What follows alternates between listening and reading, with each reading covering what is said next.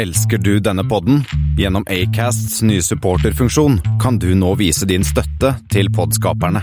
Det er helt opp til deg hvor mye du ønsker å bidra med. Klikk på lenken i podbeskrivelsen for å støtte podkasten.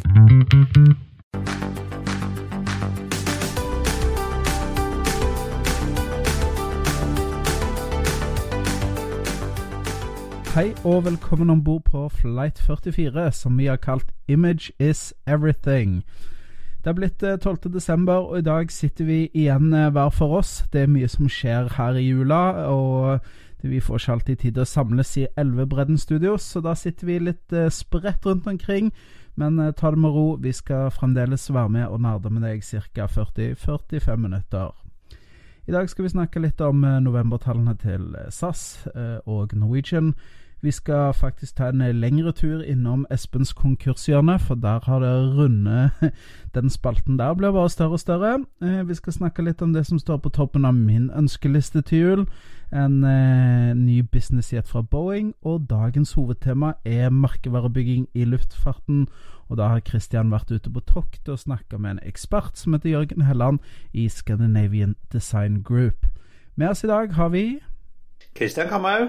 Og Espen Næss og undertegnede Thomas Lone. Da, Christian, eh, en liten sidenotis. og For en gangs skyld så var jo både du og jeg ute og fløy samtidig. Vi gikk vel glipp med hverandre på ca. 20 minutter på Gardermoen, var det ikke det? Ja, det var noe sånt jeg, Du skulle en tur til Haugesund, og jeg skulle til eh, København. Jeg taxa forbi flyet ditt og sendte deg en snap når jeg var på vei ut, mens du hadde akkurat da det er vel på bordet fremdeles bort på gate 19 eller B, eller hva det heter for noe. Ja, jeg fikk jo testa de nye og meget omtalte rullebåndene. Dere fikk jo en, eh, en, eh, snap av det når jeg testa den ene der. Og det, det, var litt sånn som på Frankfurt, egentlig. Litt opp og litt ned. Eh, ja. det, det, er jo ikke sånn at elektronikken og drivverket er bygd inn i bakken, siden dette er noe de klatter opp på i etterkant. Så da blir det jo sånn at man er nødt til å gå opp og ned, opp og ned. Men ja, det føltes i hvert fall at det gikk litt raskere. Det var ikke så veldig god speed på det rullebåndet. Eh, og jeg gikk passerte faktisk det, det, skjønner jeg aldri. På sånn helt horisontale rullebånd, hvorfor står folk på de? Jeg skjønner at folk står i rulletrapper som går opp, og ja, de ikke ønsker å gå opp eller gå ned, men å stå i bare sånn helt vannrette rullebånd, hvorfor gjør man det, Christian? Nei, folk er vel late, da. Orker ikke å gå, eller hva det er for noe. Jeg vet ikke. Jeg mener jo det burde noen slått et slag for folkehelse og droppet å lage de der båndene. Den der løpeturen til eh, B-gatene har sikkert gjort eh, mye for landets helse. Ja, for, jeg vet ikke den, for noen så tror jeg den psykiske helsen sliter, for de blir så innmari stressa. Ja, det, det, er sant. Men, men det, Ja, ja, nå, nå, kan vi i hvert fall konkludere Flypodden konkluderer med at den um, midlertidige gaten 19 Eh, eller Pir Syd, eller hva det han egentlig ble, Sydvest, eller ja. B-gatene, som han nå heter, den ble ikke midlertidig likevel. Jeg tror den er kommet for å bli. Jo, det var det ingen som trodde på det heller. Ehm, men eh, fra en flyplass til en annen så har jeg vært som sagt en tur i København. Ehm, og da oppdaget jeg når jeg kom ut av B-piren der, at der hadde det skjedd noe siden sist. Det hadde kommet et flott nytt eh, handleområde på en sånn 4000 kvadratmeter. Eh, og jeg som jo er eh, litt opptatt av, av sånne ting, da, syntes det var hyggelig at jeg hadde fått en stor Massimo Dutti-butikk og en stor Lacoste-butikk og en enda større Mulberry-butikk. Jeg har vært der og kjørt litt greier til kona her før. Så jeg skrev en liten sånn omtale om dette på min, min, min blogg, da, enkeltspent.no, så kan du se om ser et bilde fra nye handleområder på København som gjør at eh, København Kastrup har blitt enda bedre. Jeg syns det er den aller beste flyplassen i Skandinavia eh, sånn, hvis du skal slå i hjel ti. Sånn, hvis du skal handle litt eller spise litt sånn, så er det sånn ingen som slår Kastrup, altså. Og de er vel også representert med Elkjøp, eller Elkjøps morselskap, Dixon, er det ikke det? Ja. Er vel en Dixons Nei, det er ikke Dixons der. Oslo har Dixons. Jeg tror ikke det finnes en Dixons eh, på Kastrup. Der finnes det noe annet uh, rart elektronikkbutikk. Men eh, du skal jo ikke mer enn eh, et, et eh, par stopp med toget. Fra Kastrup så er det jo på en svær, fin Elgiganten-butikk i Fields. Og så fikk jeg også testa den nyoppussa Gull-loungen i København. Terningkast, eller antall jetmotorer? Nei, den må nok bare få Kan nok bare få fire jetmotorer, faktisk. Den har blitt mye finere. Ligner sånn og en del på Har fått en del av liksom, elementene fra den fine New Generation Lounge på Oslo. Men altså fremdeles Doene er under enhver kritikk. Uh, ja, jeg, jeg, kom på, jeg, kom inn for å liksom, ta en liten tur på do før jeg skulle fly, og da er det altså vann utover hele gulvet på do. Altså, jeg skjønner ikke hva de gjør på do i København, altså, det, det, doene på Gulllunsjen eller på, på i København er altså under enhver kritikk. men uh, matsiden så var det faktisk noen veldig veldig gode sånne asiatiske kyllingspyd og noe, noe frikadeller og litt av hvert, så jeg var veldig godt fornøyd med matutvalget denne gangen. Strålende. Det er bra, men eh, har du gravd litt i um, materien og funnet uh, noen spennende Flight 44 til oss da, Christian? Det er jo um, vi er jo på Flight 44 i dag, og da, da, må vi kikke oss litt rundt i verden. Hvor flyr 44 flighter? Ja, det fins en hel masse, faktisk. Vi har, jeg har gått ned på to. Det fins altså verdens lengste Flight 44. Den heter AC44 og går Vancouver-New Delhi med en um, 7879.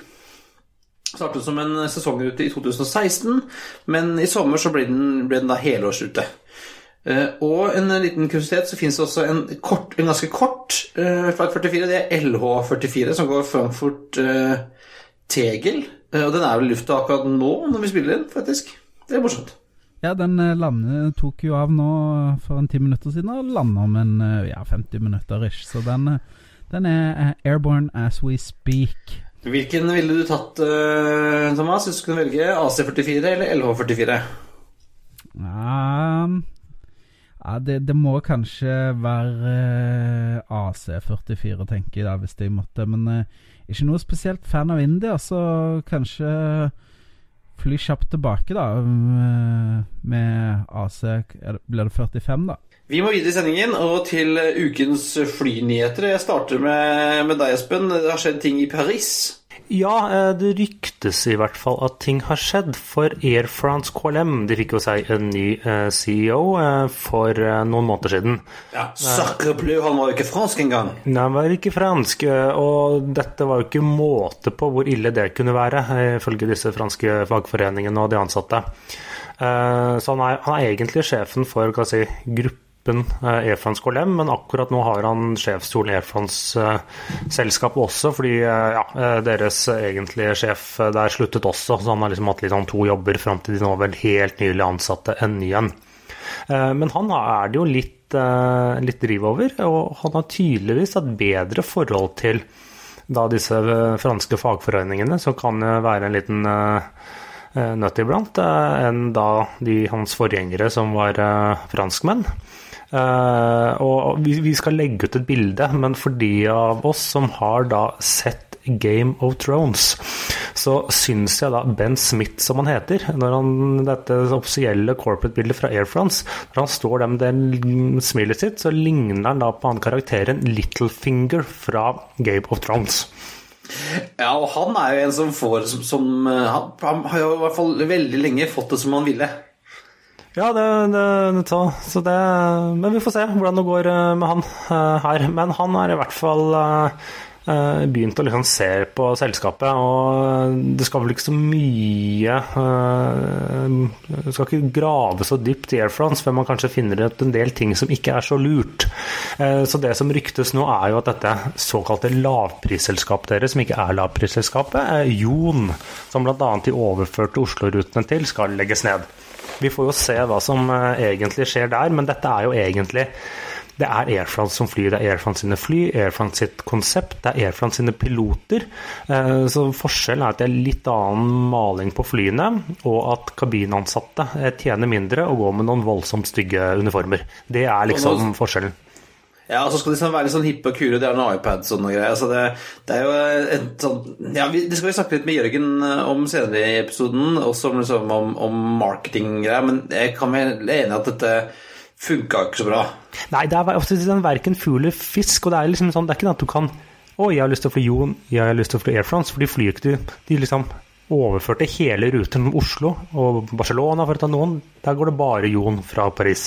Eh, så det var litt sånn Det var, det var forsøk på å spare penger. Nice try, men jeg tror ikke det helt funket. Så ryktet der nå er at eh, dette forsvinner.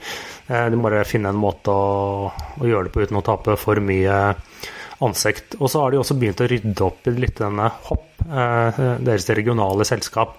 De fløy jo tidligere bl.a. for dem til Oslo. Og Hopp er jo egentlig ikke ett selskap, men det er et merkenavn hvor det er jo tre sånne små franske regionale selskaper inn der. Eh, så de bl.a. skal liksom forenkle flåten. Eh, de skal eh, hive ut ATR-ene, de skal gå bort fra propellfly.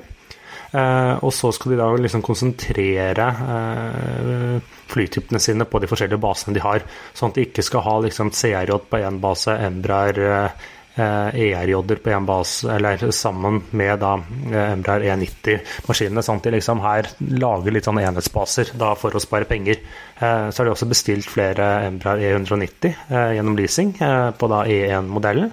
Sånn at de liksom skal prøve å liksom få effektivisert det, så de drives litt mer rasjonelt og litt mer logisk. Så får man, får man se hvordan det går.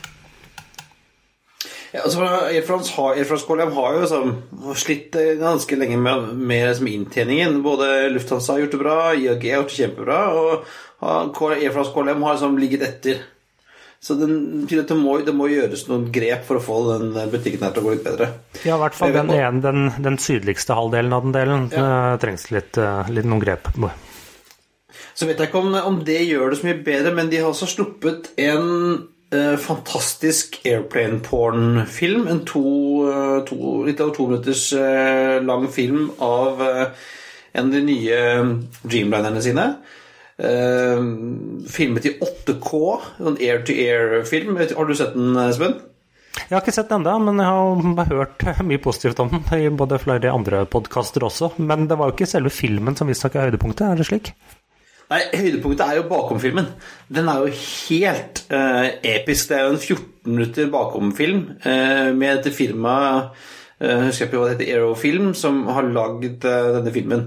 Og de viser hvordan de jobber med å legge opp flight-ruta og, hvilke, og hvilke kameraer de bruker. og Det er jo helt fantastisk. Der kan, der kan du ordentlig kose deg og nerde en kvarters tid. Dette er jo nesten like bra som markedsføringen som din arbeidsgiver kjører, Kristiansson uten sammenligning for øvrig, så så jeg at dere fikk skryt for en eh, litt sånn spillefilm som dere hadde laget, så tydeligvis at det er et tegn i tiden å lage litt sånn lengre reklamefilmer med litt sånn um, Ja, en liten litt mening i det, da.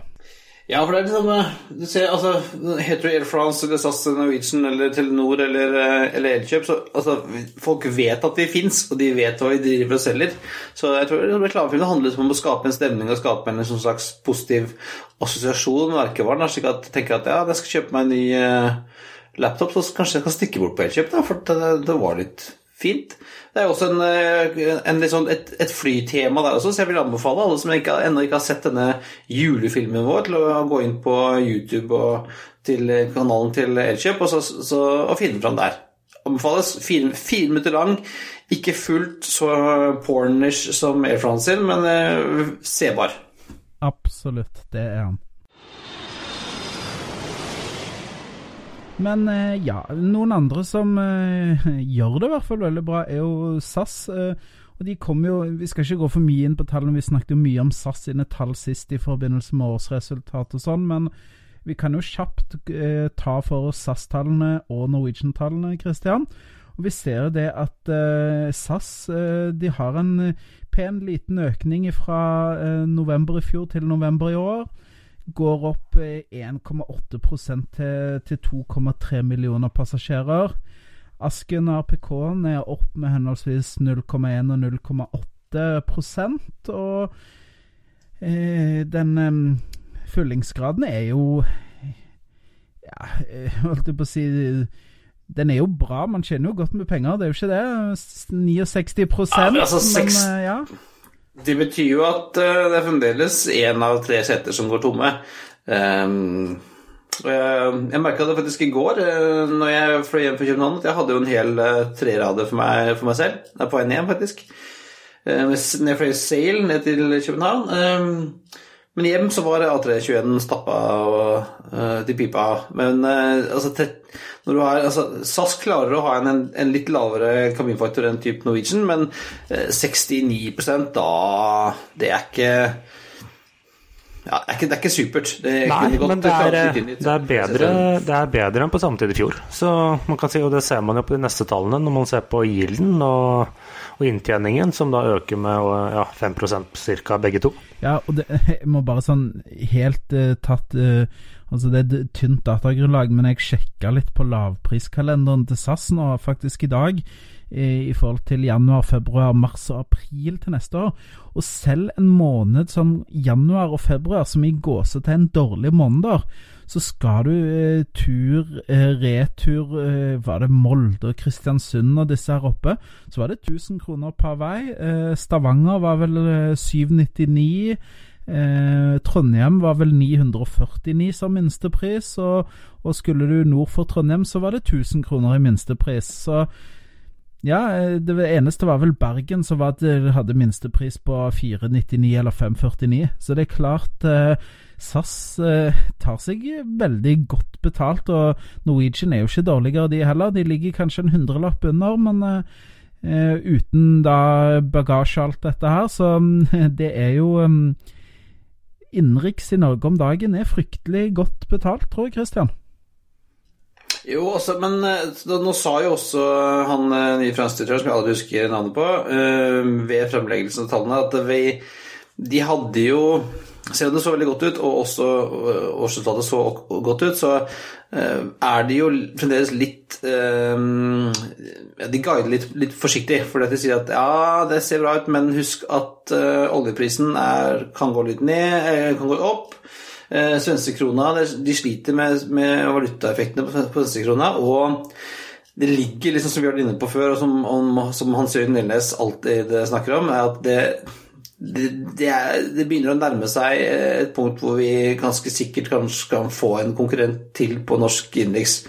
Um, fordi, som du sier, Thomas, prisene er gode. Både SAS og Norwegian tar seg godt betalt. Det, er plass, det kan være at det er plass til en til. Uh, og da Det gjør jo vondt. Ja, og den andre som eh, danser tango med SAS, uh, It Takes Two to Tango, Christian, det er jo Norwegian. Uh, de får jo juling igjen. Uh, det er rykter om spekulasjon og Ja, du har sett litt på tallene der, og det er jo Man kan jo si at SAS sine tall var litt kjedelige. Norwegian sine er jo litt mer spenstige. Ja, altså Eh, opp 14% passasjerene til 2,8-2,9. Fremdeles mye vekst utafor eh, andedammen vår, selvfølgelig. Eh, men der er sånn, der er, de har en, en, en kabinfaktor, en fyllingsgrad, som er på 78,8, som er ned 4,9 prosentpoeng. og mens SAS klarer seg nok rundt 70-tallet, så klarer ikke Norwegian seg med en, med en kabinfaktor på, på, rundt på noen 70. Det, de må ha godt over 80. Ja, og det er selv, selv om de nå klarte en liten økning i gilden for en gangs skyld.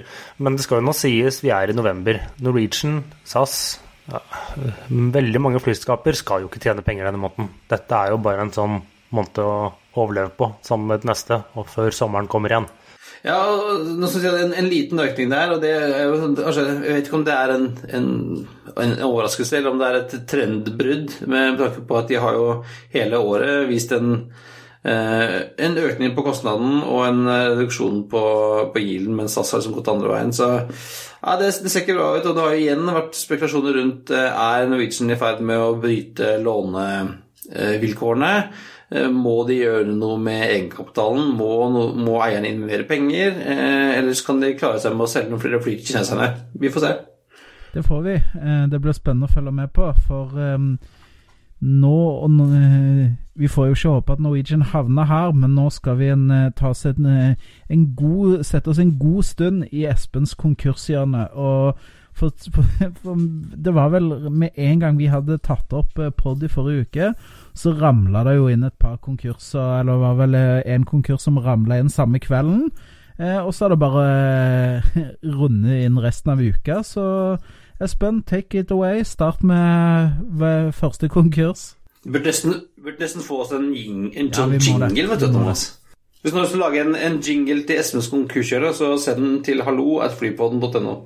Det høres eh, glimrende ut. Men eh, hvis vi går da til, eh, til mitt lille hjørne, så har det jo vært en litt sånn potpurri av konkurser i det siste. Vi har forskjellige typer konkurser. Vi har en skikkelig, ordentlig real konkurs. Vi har en konkursbeskyttelse. Og vi har et selskap som om det ikke gjorde konkurs, rett og slett har blitt stengt og nedlagt. Så det er jo praksis det samme. Så la oss begynne, da. Så var jo rett etter vi la på røret Forrige uke så kom tikket eh, meldingen om at Private Air var konkurs. Hadde Eh, de lagt på røret, da? ja, da hadde de lagt på røret, ja. Eh, Dette er jo faktisk et eh, Kanskje mange ikke eh, kjenner så godt til dem, men de er jo litt sånn kjent på berget her. For de var jo de som fløy denne ruten for SAS fra, fra Stavanger til Houston med en sånn 737 BBJ-aktig sak. Og de har holdt på siden 1977, eh, så de har jo holdt på en stund. Og, og i det siste hatt egentlig Lufthansa, har de jo vel alltid fløyet for, eller uh, sånt har hatt det lenge. De har også fløyet for er det Swiss, uh, KLM. I de siste har de hatt noen sånne BA og Wetleys, men det har vært litt sånn mindre ting. Og så har de fløyet for noe som heter Easy Air. Det er et sånt lokalt selskap i Ekvatorial Guinea som ikke får lov til å fly selv, så de må få noen til å gjøre det for seg. Eh, Men det siste Jeg sjekket litt på den Flightradar 24 hva som hadde fløyet, og da hadde det omtrent bare vært bitte lite grann, tror jeg, for Lufthansa med et fly. Så når da liksom hele flåten ikke, ikke kan brukes, så renner jo pengene ut, og da var det rett og slett uh, slutt. Så de har nå mm, blitt eh, insolvente og rett og slett likvidert. Så de, uh, de flyr ikke lenger. Det er over og ut der. Så der kan du få deg en billig BBJ, da, hvis du er ute. Ja, du kan vel det, men jeg tror også de flyene de har jo De hadde en sånn miks, var det noe, eh, noe Airbus A319 eh, i sitt sveitsiske selskap. Også den tyske delen, der var vel disse 737-erne eh, plassert. Men de var jo ikke akkurat eh, ferske av linjen, eh, sånn at jeg tror ikke de er ja, veldig ettertraktete, uten at jeg helt eh, vet det. Men det virker jo litt som dette markedet som de satset på, da, fly litt sånn businessjet eller da veldig sånn eh, high yield-flyvninger for de andre. eh, ikke helt har slått an. I slutten så hadde de vel bare én rute igjen eh, for Lufthansa, til Pune i India. Eh, mens da dette samarbeidet med KLM, jeg tror de fløy Uh, var en all, all business jet til Houston for dem. De fløy vel til, nå til New York for SIS uh, for noen år tilbake. Dette er, uh, dette er slutt. Og sammen med da den maskinen som SS leide inn fra det. Ja, det var vel kanskje den, den dårligste flighten, interkontinentale flighten man kunne booke businessklasse på hos Lufthansa, var vel det stående tegnet. Det var vel til Pune, fordi at man fløy da med denne eh, 737-en som hadde sånn type domestic first lenestoler framme. Og så betalte man eh, 30 000 kroner for en billett, for dette var jo bare sånn forretningsrute. Og så eh, fløy man direkte på vei ned, og så på veien hjem så hadde man en, vel en eh, sånn teknisk stopp i Bucuresti for å full etterfylle litt fuel for å komme seg helt til Frankfurt. Så det var jo eh, Ja. Eh, ja, det var, det var jo en eh, Det var dårlige greier, rett og slett. Så jeg, jeg skjønner at eh, passasjerene til Lufthansa kanskje ikke var så fan av denne ruta her. Eh, måten de hadde lagt opp dette her på. Men samtidig, dette var liksom siste ruta Privateer egentlig hadde igjen, så det var jo problemet at alt de andre eh, forsvant. Men da, da, var det kroken på døra, så de flyr ikke nå. Eh, mens vi da går videre til neste. Eh, de flyr fortsatt videre, eh, men de leverte inn en såkalt konkursbeskyttelse nå her om dagen denne uka, og det var Avianca Brasil. Eh, nå er jeg ikke en ekspert på brasilianske konkursregler, men de har gått inn i noe av dette såkalt chapter 11 som man har i USA, sånn at de liksom de flyr videre, og så må det en eller annen form for restrukturering. Det som trigget dette, var jo at retten i Brasil godkjente at leasingselskapene kunne hente tilbake til sammen var det 13 fly, som de tydeligvis da slet med å betale leasingen på. Og så var det vel litt sånn høna og egget-diskusjon. Så da gikk da selskapet selv til retten og da ba, om kreditorbeskyttelse. Og da kan du rett og slett ikke hente tilbake de flyene sånn helt uten videre igjen. Uh, og disse Avianca Brasil de er jo en del av uh, De er med i Star Alliance. Uh, de deler navn med den mer kjente Avianca i Colombia. som også har en drøss med andre søramerikanske Ja, er selskaper. Costa Rica og Honduras og litt av forskjellig. Ja da. Peru og Argentina osv. Det som er forskjellen her, er at eh, alle disse andre selskapene er en del av Avianca-gruppen. Eh, Og de eies to tredjedeler av et selskap som heter Synergy. Og dette, mens dette Synergy eier igjen da hele Avianca Brasil, som da drives litt sånn separat fra resten av gruppen, eh, men da med litt sånn samme eiere. Bak Avianca Synergy så er det jo han eh, German Eframovic som står bak. Eh, En eller annen fyr som driver masse flyselskap nede i i Sør-Amerika og gjør det bra, men akkurat her i Brasil så har de slitt litt. Jeg vet ikke helt årsakene tilbake til dem, eh, men eh, disse, er da satt under kall det si restrukturering. Eh, så dette vil nok eh, jeg regner med, da, man vet jo aldri, men at dette er en prosess av alle det som sånn som United, Delta, American har vært gjennom i, eh, i USA, eh, hvor man da eh, ved hjelp av en dommer får hva skal jeg si, slettet litt gjeld mot, at de må gjøre eh, andre ting for å komme seg opp på bena igjen. Ja, og det er jo Avianke er jo mm, det en, eh, De har jo en lang historie. eh, og De ble vel faktisk eh, Forrige uke så var de 99 år. Så denne tiden til neste år så feirer de 100 år. Avianca ble etablert i 1919. Eh, og de, det er jo som du sier, Espen, de er jo til stede i Argentina, Costa Rica, Ecuador, El Salvador, Guatemala, Nicaragua, Honduras, Peru osv. Men så er det jo Og jeg leste en del på en del forumer, så var det sånn Hva betyr dette for Jeg skal fly mellom Chile og eh, USA via Colombia. eh, Hva skjer her nå? Blir eh, billetten eh, kansellert? Så, så det, det har jo litt sånn eh, gått, vi, Snakker vi litt om merkevarebygging og merkevareomdømme, da, så er det jo kanskje en liten sånn ripe i lakken da for eh, alle de andre i Avianca-familien, det at eh, de sliter såpass i Brasil, og folk liksom som, som ikke har en flybillett som tilhører det brasilianske flyselskapet engang, begynner å stille seg spørsmål Ops, går, går flyet mitt? Og da kan jo fort eh, billettbestillingen utebli, Christian. Ja, det, aldri, det kan selvfølgelig gi, et, uh, gi en dårlig impact på resten av gruppen, men uh, nå, fly, nå flyr de jo fremdeles. De uh, skal restrukturere. Det tror jeg går over. Det er liksom første sjokket, og så går det der over. Ja, og så har det nok vært litt sånn i det siste, da, så har man vært vant til disse litt mer europeiske konkursene. og da legges jo faktisk ofte selskapene ned. Eh, Så man har liksom glemt den der eh, klassiske med alle disse amerikanske flyselskapene som gikk konkurs, men fortsatte å fly. Dette er litt av det samme. Eh, Og disse er jo også da såkalt mer eller mindre frikoblet fra resten av Bianca-systemet, sånn at de kan ikke dra ned resten av gruppen. Siden de er et helt separat selskap som egentlig bare deler eier. Nei, så Det blir spennende å se da hva som skjer med, med Avianca i, i Brasil. Men ja, eh, det er jo et vanvittig svært marked, Brasil. Så hvis de klarer å få orden på kostnadene og inntektene, og, eh, så skal nok dette gå bra, tror du ikke det? Jo, det er, det er et stort marked, men det er også mange aktører der. Det er sterk konkurranse. Og Avianca Brasil de er vel fjerde største i Brasil eh, på innenriks. og de ganske små utenriks. Men det er jo litt den eh, som Hvis du har liksom sånn fjerdeposisjonen, hva er det? Det er eh, da, da er du gjerne den svakeste. Eh, da er du liksom den, eh, den som ofte går under. Jeg sier ikke at det vil skje her, men det er jo en vanskelig sånn markedsposisjon å ligge i, å være liksom fjerde størst. Da blir det jo litt som man kan si her, eh, når det kommer til dagligvare, bunnpris, eh, som gjør sikkert det greit, men de er jo sånn bitte små har liksom sin, og kommer aldri opp på det andre nivået til disse større aktørene. Det er sant. Eh, Noen eh, som eh, har et litt mindre innenriksmarked, Espen, det er jo eh, noen som vi har snakket om før. Watania Airways. Hva, hva er det som har skjedd med de? Jo, der, dere var jo inne på de før jeg ble med her som fast podkaster.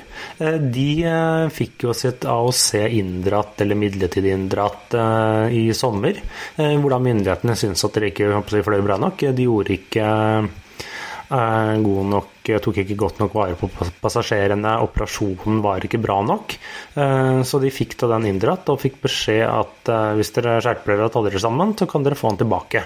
Og det har ikke de da tydeligvis skjedd, eller i hvert fall ikke myndighetene godtatt det. Så da sa de at dere får ikke fly mer. Eh, så da er det takk og farvel eh, for dere. For uten en lisens til å fly, så blir du stående på bakken, så da er det egentlig over og ut med det. Så det var en litt sånn mer nedleggelse, kan du si, enn uh, konkurs. Uh, og de hadde jo noen flybestilling og litt sånne ting. Skulle bl.a. ta imot 25 Airbus A320 Neo, så de hadde jo litt fremtidsplaner. Men her var det operasjonelle tydeligvis ikke godt nok, så da syns myndighetene at dere får ikke fly mer. Er det en grei måte å gjøre det på at på en måte Si, si at sikkerheten er ivaretatt. Det er et flyselskap som det er trygt å fly med. Men de er så ræva, gir så dårlig service og har så dårlig Har så dårlig eh, kundeomtale og eh, alt, alt er ræva. Men det er et sikkert flyselskap. Eh, er det da myndighetene sitt ansvar å på en måte si at dette selskapet fortjener ikke livets rett, vi trekker en AOC? Eller er det egentlig kun, Altså, jeg er jo en sterk tilhenger av at her burde det vært kundene som burde sagt ifra om dette var liv laga eller ikke, med at de velger med lommeboka si. Jeg synes det blir litt kunstig når, når uh, myndighetene går inn og trekker tilbake til AOC pga. dårlig styring, uh, hvis ting er sikkert og at de har orden på systemene sine ellers. Ja, kanskje. Eh, noen ganger er det kanskje riktig, noen ganger er det er det feil, og så vet man ikke helt hva mer som ligger bak. Eh, eh, og så er jeg ikke helt sikker på hvordan alt det økonomiske og operasjonelle egentlig fungerer i Kuwait, uten å si for mye. Det er vel onde tunger eh, sier, påstår jo at det er jo en, en, annen aktør i Kuwait som er veldig happy for det, som har kanskje et, et tettere forhold til myndighetene enn det Watanaya hadde, da. Som, som jo også sliter. Ja da, eh, de, så det kanskje var en liten redningsplanke til dem. Men, eh, men hvem, eh, hvem, vet? Men det var i hvert fall de tre konkursene, eller konkursaktige historiene jeg hadde å bidra med denne uken. Ja, da får vi se til neste uke om det skjer noe fram mot jul, eller om det roer seg i konkurshjørnet til Espen. Nå tenkte jeg at jeg skulle ta og introdusere en sak, fordi at jeg driver jo og skriver ønskeliste til jul. Jeg vet ikke om dere eh, gjør det, Kristian Espen, men på toppen av denne ønskelisten, hvis jeg helt ukritisk kunne velge, så tror jeg kanskje at det som Boeing har lansert denne uken her, det er på toppen. Altså en Boeing Business Jet som er basert på den nye 777X. Eh, den har vi jo sett litt på, Kristian Espen, og det ser jo ganske flott ut, gjør det ikke det? Jo, eh, hvis en Boeing 777 noen gang kan egentlig bli så veldig flott, det kan man jo alltid diskutere, men den her kan i hvert fall fly langt. Ja, altså det har jo vært eh, litt av ankepunktet under, på de businessjetene jeg har sett eh, på når jeg har vurdert med mitt behov for businessjetter, at de, de må jo ofte ned og ta et fuelstopp, men det slipper man med denne nyeste som er basert på 7778 den eh, får vel en rekkevidde på Var det over Ja, var det nærmere 21 000 km? Altså Ja, det var, faktisk, det var faktisk litt over. Den får da si, 11 645 nautiske mil, så det blir jo 21 570 km. Og det kan du fly mellom alle punktene på jorda, eh, ifølge Boeing.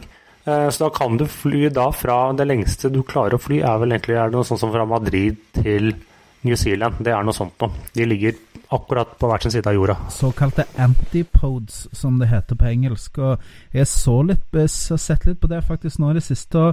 Hvis du setter en stjerne i utenfor Hilton-hotellet i Auckland, eh, på piren der, eh, så, så kan du da måle avstanden på Google Maps og da er det sånn at det, er et område da litt utenfor Sevilla i Spania som er på en måte det akkurat motsatte. Eh, punktet på jorda i forhold til, til, Auckland. Og da er det sånn at uh, hvis du beveger deg litt mot vest, så er på en måte den korteste ruta Kom inn over USA. Beveger du litt mot sør, så er den korteste ruta over Sydpolen. Beveger du litt nord, så er den korteste ruta over Nordpolen osv. Og, så og der er det akkurat rett over 20 000. Jeg tror det var 20 010 uh, km. Så her har du faktisk uh, ja, en 1500 ekstra kilometer å gå på da, hvis du uh, har litt motvind, eller uh, må, må planlegge for en litt uh, lang alternate, f.eks. Så det er jo det er noe grådig som de har fleska på med, med rekkevidde her. Ja, For ikke snakke om alle disse rutevalgene du kan ta, så slipper du jo motvind. Det er også et godt poeng, Espen. Og eh, vi har jo kalt uh, ukens tema i dag for uh, 'Image is everything', Kristian. Og du har jo vært og besøkt en som kan mye om dette her. image og merkevarebygging, og hvordan man ønsker å posisjonere seg i et marked, og hvilken eh, historier man ønsker å fortelle. Ja, eh, med tanke på dette eh, June-greiene i Frankrike, så tenkte jeg å snakke litt med en eh, god venn av meg, Jørgen Helland, som eh, tidligere jobbet i eh, no, i Skipsted og et par andre selskaper. Eh, Nå jobber han som strategi... strategirådgiver i Scandinavian Design Group, som jo, som noen kanskje vet, lagde det gamle Widerøe-designet, det som nå er på vei til å bli borte, eh, og jobber mye med merkevarebygging og og markedsføring for eh, en rekke selskaper i Norge. Så jeg eh, tok, tok meg en tur hjem til han, og han, meg og bikkja hans Ludo, som du av og til kan høre krafse rundt på gulvet eh, i bakgrunnen. Men eh, skal vi bare høre på det intervjuet, Thomas? Da gjør vi det. Da sitter jeg her på kjøkkenet til eh, Jørgen Helland. Eh, hva, hva er tittelen din nå, Jørgen? Nå jobber jeg jo med strategi og merkevare i SDG. I Scandinavian Design Group? Scandinavian Design Group. Tittelen min er Strategy Director. Høres fint ut. Det er superfint. Og eh, grunnen til at jeg ville snakke med deg i dag, er jo at uh, du kan litt om merkevarebygging og markedsføring og sånn. Ja, jeg har litt grann Det har er du drevet med. Eh, og så kom, fikk jo den nyheten den forrige uke om at den nye Air France-sjefen Han jo inn, ikke bare han ikke fransk, men han skal jo rydde opp i tinga. Så han bestemte seg nå for å legge ned dette June-brandet som var Air France sitt eh, brand mot millennials. Det vil si at de fikk iPads og ikke hadde vanlige uniformer. Ja. Eh, og, og hva, hva tenker du om dette her med Kan et flyselskap lage et, et eget brand? Et sub-brand som skal treffe en annen, mark, en annen målgruppe? Eller er de, sånn, er de dømt til å måtte snakke med alle? De kan jo det, og det er ganske mange eksempler på at de har gjort det. Eh, og noen ganger lykkes de, og noen ganger feiler de. Eh, men det henger jo gjerne litt tettere sammen med Farah sin del, og handler om å gjøre et lite skift da, fra å være gamle og trøtte og kjedelige til å se på en annen en målgruppe, et annet segment, på en litt eh, ny måte. Men eh, det virker jo som de har eh, Hva skal jeg si? Det virker jo litt eh, voldsomt, da. Ja, for, for, det så ikke ut som de fikk unge franskmenn til å fly med June bare fordi det var kult. Nei, og nå ligger det jo i June-konseptet at de skulle være noe mer enn flyreiser. Og det er jo klart, det må man jo stille spørsmålet ved om er det noen som egentlig vil ha noe mer av flyselskapene enn å faktisk bare komme seg fra ATB med en grei pris og en iPad i hånda. Ja, og vi, vi som er nerds på dette, vi andre, da, vi syns jo at det er stor forskjell på flyselskapene. Men du som, er, som bare reiser mye, for deg er det sånn et sete et sete et sete. Ja, jeg, nå reiste jeg ganske mye tidligere, og jeg synes det er veldig stor forskjell på selve brukeropplevelsen og brukerreisen, bokstavelig talt, for de ulike selskapene. Um, og det henger jo i sammen med hva de velger å prioritere um, mot meg som skal ut og reise. da. Når de velger å kommunisere med meg, med hvilken type presisjon, hvor gode appene er, hvor enkel innsjekkingen er. Eh, hvor eh, raskt allting går eller ikke går. Og for ikke snakke om hva som skjer hvis noe går galt, eller mister en bagasje, eller glemmer noe, eller osv. Så, videre. så jeg tror det er ganske stor forskjell eh, egentlig. Men, jeg, men den forskjellen kommer gjerne ikke til utløp akkurat idet man skal bestille billettene. da. Ja, for da er det jo Det er pris og destinasjon. Du skal til London, og hva er prisen? Ja. Bortsett fra du, da, som tenker ganske mye på hvilken maskin du skal sitte i. Ja. Ja. Eh, så det er jo du som er merkevarespesialist, da Hvordan, For du har flere andre selskaper som også har samme problem at de selger en commodity. Altså du selger strøm, flysett, tellerskritt, datakraft, whatever. Ja. Eh, hvordan, så, hvordan skal man differensiere seg fra de andre? Og kunne ta en, et premium? Da faller du ta en litt mer pris enn alle andre. Ja, nå er det Eller selge litt mer, da. Ja, selge mer, eller overleve, eller å bare være relevant, eller bare være en kanal for noe annet, eller være en eksperiment for et eh, selskap som prøver å teste ut nye områder, f.eks. Det er ganske mange sånne ulike motivasjoner for å gjøre den type, den type ting, da. Men jeg tror jo at for den type selskaper som bare er commodity, så må de allikevel alltid ha en ganske sånn solid historie og forståelse for sin egen rolle innenfor sitt eget segment eller sin egen kategori. Og prøve å liksom skrape ut et område der de kan kommunisere ut ifra som er mer relevant eller bedre eller mer interessant enn de andre. da. Så jeg, jeg syns ikke at man skal gi opp den type forsøk i den forstand, men det er klart at det er ganske mange tegn i tiden som tyder på at vi går kanskje mot mer og mer sånn, mer sånn ensretta merkevarer, da, som ikke har et enormt spekter med mange forskjellige merkevarer mot ulike segmenter, fordi det rett og slett ikke er plass til det. det ikke, folk klarer ikke å følge med på alt som, som foregår. Ja, men, så til, til televerden så har vi jo Telenor har jo masse forskjellige brands som Ja. retter seg mot forskjellige målgrupp, kundegrupper. da Ja. ja, du har jo Young, for eksempel, Ja. som nå heter Telenor Young, som tidligere heter DJs. Så Var ikke det- en båt? Hæ? Var ikke det en båt, egentlig? Ja, det var Dragons som Ja, var båten. Okay. DJs var mobilabonnementet, eh, som hadde ingenting med den båten å gjøre. eh, men Så det Telenor gjør, er jo at de flytter Young nærmere Telenor, kjernen i merkevaren, da, enn det DJs var. Så det ble egentlig Telenor til slutt, ja. Alt blir Telenor til slutt i Norge, skal jeg si deg. Eh, altså Andre selskaper har også prøvd det samme. SAS prøvde seg med Snowflake, som var en sånn low cost ferie, fritidsgreie. Forsvant jo. Ja. Eh, mange, altså British Airways prøvde seg med Go. Altså Det er mange som har prøvd. Eh, er det som, Fins det noen grunn til at selskaper skal, sats, skal satse på andre typer merkevarer innenfor sitt eget sement, eller skal de liksom bare holde seg til, til mor, morbrandet og bare gjøre det skitbra?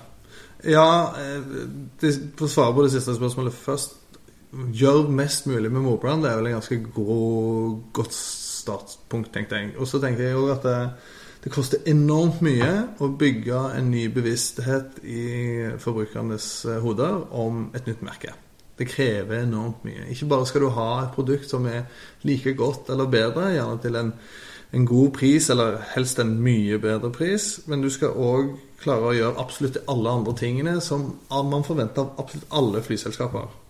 Så eh, nå gjorde jo Ryanair har jo gjort ganske mye for å fortelle oss at at eh, det å fly ikke trenger å være som de andre. Altså, du skal ut og fly med, med Ryanair, så sier du har lyst til å reise til Barcelona. Så sier de nei, nei, nei, det, Girona det er like fint. Eh, du trodde du trengte å ha med mye bagasje. Nei, nei, nei, det trenger du ikke.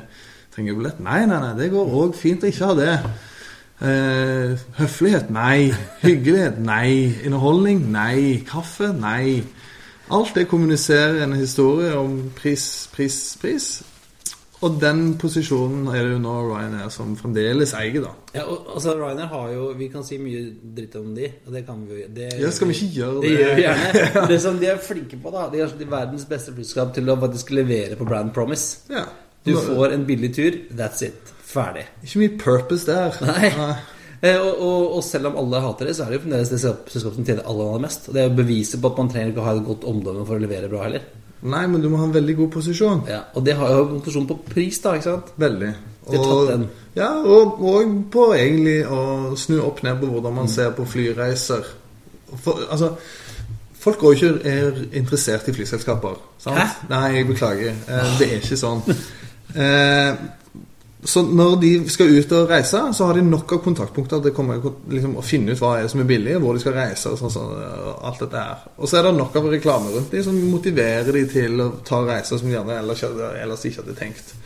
Og Ryanair og, og Norwegian og alle de som liksom har senka prisnivået ganske kraftig, har jo på en måte spilt litt opp i en livsstil der man skal reise mye mer. Sant? At det går, det går greit. Du kan reise du kan liksom, Sammen med Airbnb så kan du bo i Berlin ei uke og liksom eh, frilanse fra der og være liksom den, den frie sjelen som alle ønsker egentlig å være. Men til syvende og sist så skal du fra A til B av en eller annen grunn. Eh, og flyselskapene må jo spørre seg Skal de ha en rolle i den grunnen, eller skal de egentlig bare selge det flysettet? Det er der lavprissegmentet kommer inn. da Ja, og så har du de andre selskapene som prøver å ikke være lavpris. SAS eksempel har jo gjort en, en, en, det er en, en klisjé å si, de har gjort en reise Ja. fra å være the businessman's airline back in the day Ja. til å skulle være sånn low cost carrier de også, som alle de andre, til nå å ha, ha snudd markedsføringen sin og, og brandingen sin de siste ja, tre årene, kanskje? ja. Fire? Jeg tror de som jobber i SAS, vil si at de har vært igjennom et stort skift eh, fra dette prishysteriet eh, med liksom de der reklamene der du ser et bilde av New York, og så står det en pris liksom klistra over i rosa og sånne ting, til å bli, gå gjennom en visuell eh, rebranding, eh, til å gi en ekstremt økt fokus på det som er kjernen i deres eh, viktigste målgruppe, nemlig de som reiser veldig ofte og eh, som ikke bryr seg så veldig mye om pris. De skal være prissensitive, de òg. Altså, det er noen bedrifter i Norge som sier at du ikke får lov å fly med noe annet enn det billigste alternativet til en viss distanse. Ja. Jeg beklager, Kristian. Livet Liv har innhentet deg òg. Ja. Eh, så, men så tilbake til SAS. da De har jo òg gjort et par andre viktige grep. De har jo fokusert igjen på loungen, f.eks. De har opprettholdt eh, fast-tracken. Det er jo ikke så lenge siden Norwegian kom med en slags eh, fast-track. Det har jo SAS hatt eh, fryktelig lenge. De har bonuspoengene, som gir oss en slags belønning. De har til og med fysiske markører, selv om jeg ser mindre og mindre av de. Liksom de der gullkortene som dingler på, på Rimovaen. De er det ikke så mye av lenger. Eh, det er bare de svarte som er igjen, da. ja, ikke sant? Ja, For vi andre vi tålte jo egentlig ikke å ha de gullkortene. Vi ble jo mobba av dere med svarte. Eh, så SAS har på en måte tatt eier. Og liksom slagordet med We Are Travelers sitter jo ganske godt i det bildet. Ikke bare forteller det til oss som reiste mye, må jeg vel si i mitt tilfelle. da eh, At det er ikke bare om å komme seg fra A til Å, det er faktisk en liten opplevelse i seg sjøl. Du vil ha det komfortabelt, du vil føle deg hjemme. Eh, og det klaffer jo utrolig godt med en, en kvalitetsorientert organisasjon. Der de som til og med jobber i kabinen, tar jobben sin kjempealvorlig. Mm. Du, liksom det der greiene med som de sier nå, som du plutselig nå er oppmerksom på, at du kommer inn i kabinen, så ser det ut som de faktisk bryr seg. Sånn har det vært alltid i SAS. sant? Det er ikke noe nytt, liksom. Ehm, så jeg syns SAS sitt eh, liksom, Å finne tilbake til roten i merkevaren har vært en ganske sånn eh, fascinerende og fin reise, egentlig. Nå ser du sånn, På Økonomisk sett så går det jo ganske bra i den butikken. Det ser ut som de klarer å ta et premium. Der hvor Norwegian sin yield går ned, så går det opp. Ja, du kan jo si det sånn at eh, innenfor kategorien av store flyselskaper i eh, Skandinavia, eller Nord-Europa, så er det jo veldig enkelt å se spillet mellom de to merkevarene spille seg ut. sant? Det er alltid der SAS er blått og skandinavisk og solid og litt sånn kapteinsknapper og en god varm kopp, kopp kaffe. Liksom blanding av en sånn varm mors-farsrolle som tar om bord. Så klarer Norwegian da der enkle utfordrerdelen å bare si nei, du trenger ikke kaffekopp. Du kan betale for den hvis du vil ha. Du trenger ikke Ok, de må vel kanskje være litt hyggelige, de òg. De er stort sett det, det syns jeg. Men det er veldig mange ting som det er lett for kommunisere, å kommunisere for Norwegian, som SAS har, som Norwegian kan velge bort. Ja. Og jeg tror jo at eh, Litt sånn tilbake til det du spurte på liksom, når det gjelder meningen bak det hele, da, liksom purpose og sånne type ting, så kan de to selskapene leve veldig godt med hver sin posisjon. De trenger egentlig ikke gå inn i hverandres merkevareposisjon fordi at de konkurrerer så enkelt på de liksom, rasjonelle delene. Da. Det er vel litt som altså, Du kan velge å gå på Rema, eller du kan gå på Meny. Ja, det Det kan er litt, det er litt sånn det samme. Eller Ja. tror du de kan sånn leve helt ved siden av hverandre med å ha hvert sitt Hvert sitt liksom, konsept og hver sin måte å snakke på? Ja. At man at, eh, at man da på en måte bygger en merkevare. Så hvis jeg føler at jeg er en, en SAS-person, så tar fordi jeg er SAS, selv om det kanskje er litt dyrere. Men hvis jeg er med, med Norwegian, så flyr jeg Norwegian uansett. For at jeg vil være liksom litt, kanskje litt eh, opprørsk og litt kul og litt eh, opptatt av billig. Og... Ja, det er ganske interessant det der med hvordan folk faktisk har veldig sterke meninger om de to selskapene. Enten det er det ene eller det andre. Så Merker, ikke, merker ikke den samme sånn, uh, engasjementet rundt Å, jeg går på Circle K. Nei. aldri på SO. Nei, det Ute i bygda så gjør du gjerne det. Eh, Men, men, eh, men eh, Nei, du har rett. Folk er engasjert i flybransjen, da, for å si det sånn. Folk bryr seg om de selskapene. De har jo overdrevent mye oppmerksomhet, syns jeg, da, egentlig. Men du har rett, det dreier seg om identitet, og det handler om veldig veldig mange andre ting. Og så er det ofte litt mer spesielt når du skal ut og reise, enn når du ikke skal det.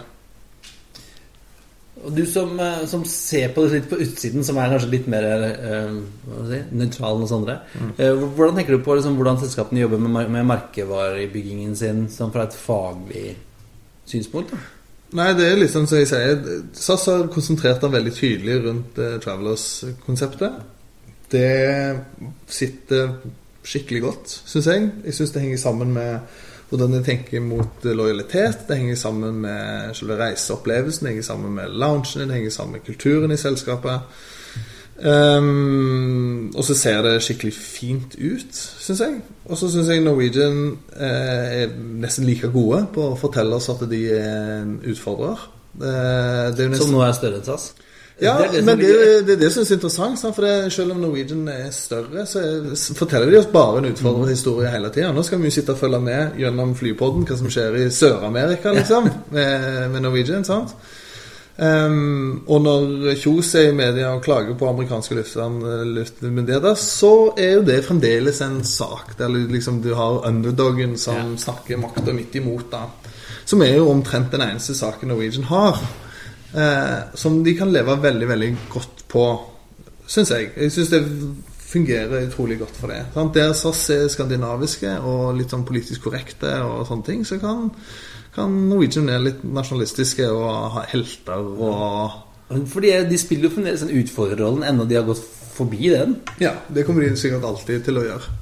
Så Kan, kan de fortsette å være det når de som er markedsleder? det, kommer jo an på, det går jo litt på troverdigheten løs etter en, etter en viss eh, tid, da. Og det er jo klart at eh, Norwegian eh, oppfører seg jo ikke så veldig godt når de blir stilt krav til som en markedsleder. Altså når Hver gang det begynner å bli noe mas på, på punktlighet eller eh, noe sånne ting, så er det ikke sånn et ansvarlig voksent menneske som svarer, som sier liksom nå nå må vi gå litt inn i tallene her og vi selvfølgelig prøve å gjøre oss bedre. og sånne ting. Det er det eneste de gjør. Så sier de, nei, nei, men SAS SAS de har jo De mye dårlige, de dårlige ting. sant? Det er, det er en litt sånn sutrete eh, holdning ofte, da. I hvert fall når jeg har sett på det. Men, men Så jeg tror at Norwegian kommer til å prøve å beholde utfordrerånden og kulturen for alltid, egentlig. Jeg kan ikke se noen grunn hvorfor de ikke skulle det heller. Men som sagt, det går på troverdighet. da.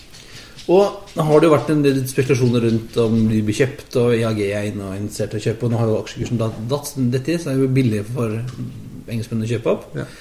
Hvis de da skulle velge å kjøpe eh, selskapet og slå det sammen med et av sine brands, Level eller Whaling eller whatever, eh, tror du, hvordan tror du det ville gått? Vil, liksom, vil de kunne endre merkevaren? Eller vil det liksom bli altfor dyrt å og er- kaste bort masse penger ved å, ved å bytte en merkevare som fungerer, i hvert fall her i landet?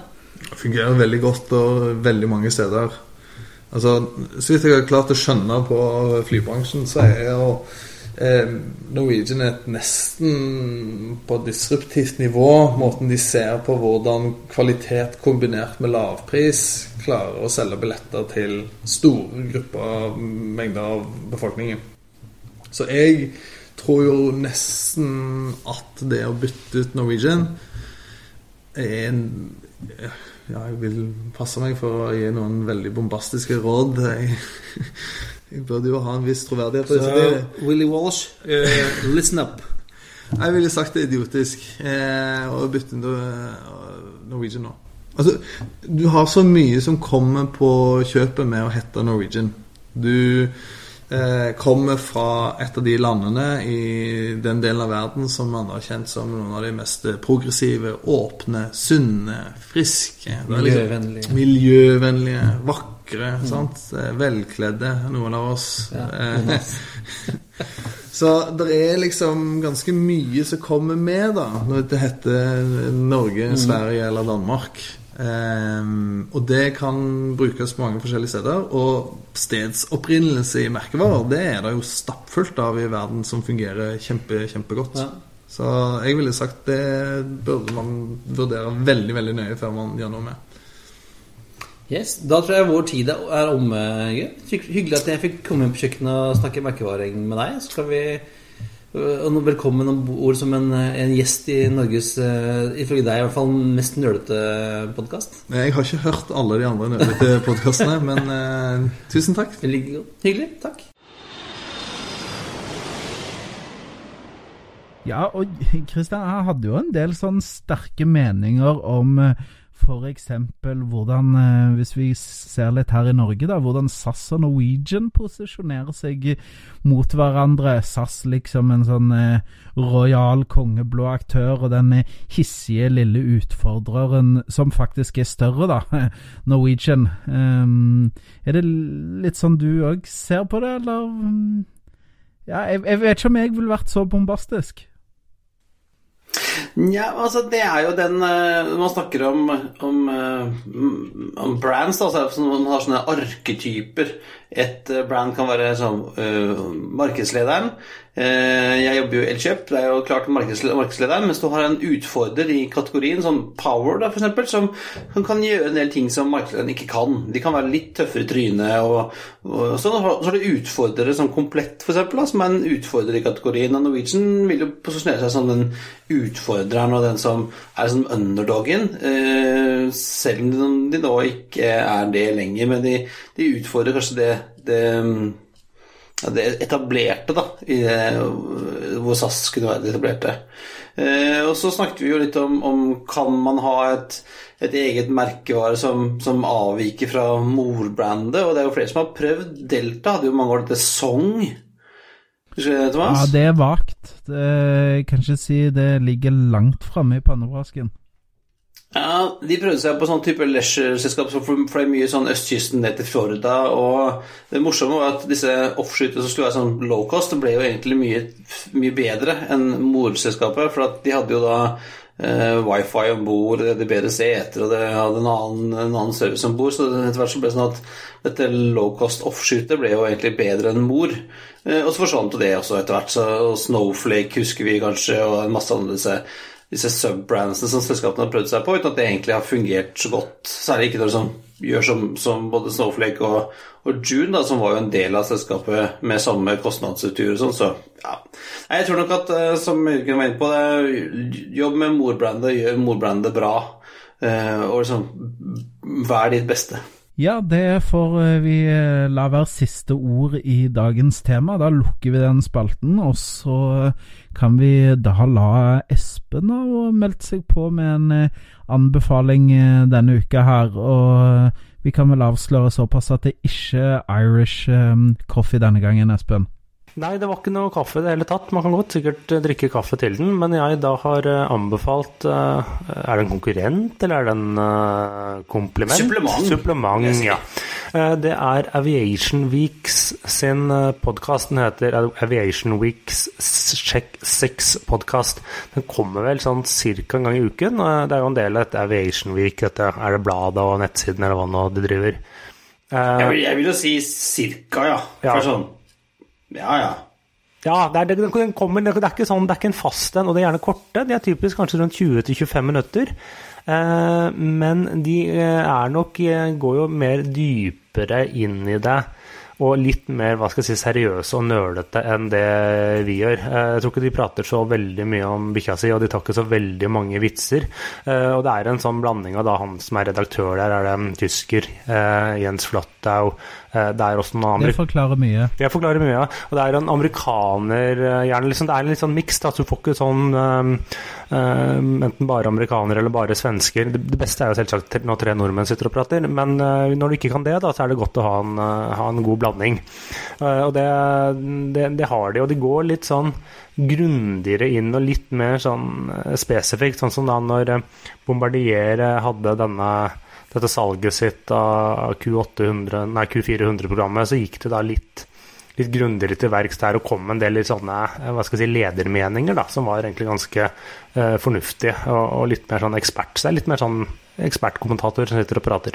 Ja, De er jo journalister, så de har jo et helt annet uh, krav på seg til etterrettelighet enn vi er. Vi kan liksom slenge rundt oss med litt av hvert forskjellig. Og jeg, men, uh, også, så jeg har også hørt, hørt, på det en del, og uh, det går jo an å, å skippe Jeg skipper ofte, fordi at når, altså Skal de snakke om Apache-helikopter, så er det ah, det orker jeg ikke høre på, ass. Nei, det, det, er liksom, det, det, er ikke vits å høre alle. Det er litt sånn ca. 40% av dem er et tema som interesserer meg, men det er liksom bare om det temaet. Og da er det liksom greit, man får lese lese innholdsfortegnelsen først, og så velge om man vil se det eller ikke. Men hvis det er et tema man syns er interessant, så har de, har de, en del gode innslag. Yes, da får vi la det være alt for denne gang. Flight 44 går nå inn for landing. Vi vil takke alle dere som har støttet oss via Patrion, støttet oss via Flypodden, og nå begynner vi å nærme oss både en mikrofon til og kanskje et nytt lydkort som støtter disse tre til fire mikrofonene. Så det blir jo veldig bra når vi kommer på nyåret og kan eh, treffe sammen igjen og gjøre noen eh, innspillinger sammen med godt utstyr. Da må vi også få til litt headset og litt sånn, eh, så blir dette veldig bra. Det blir en god jul, med andre ord.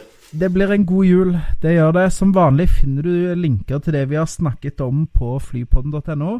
Du finner oss på Facebook, du finner oss på Twitter og på Instagram. Eh, vi kommer vel eh, Vi tenker ikke å ta sånn veldig lang juleferie. Det blir en episode neste uke. Og så blir det en liten spesialepisode på lille julaften. Og så hører du oss igjen eh, over da på nyåret. Har du et spørsmål, ønsker du å oss på en flytur, kanskje du vil sponse oss, eller kanskje du vil rise oss, rose oss, ha et forslag til tema, etc., etc., send en mail på hallo at flypodden.no. Takk for nå, og på gjenhør neste uke. Ha det bra. Ha det bra. We thank you for flying with us today. We truly appreciate your business and look forward to serving you on a future flight.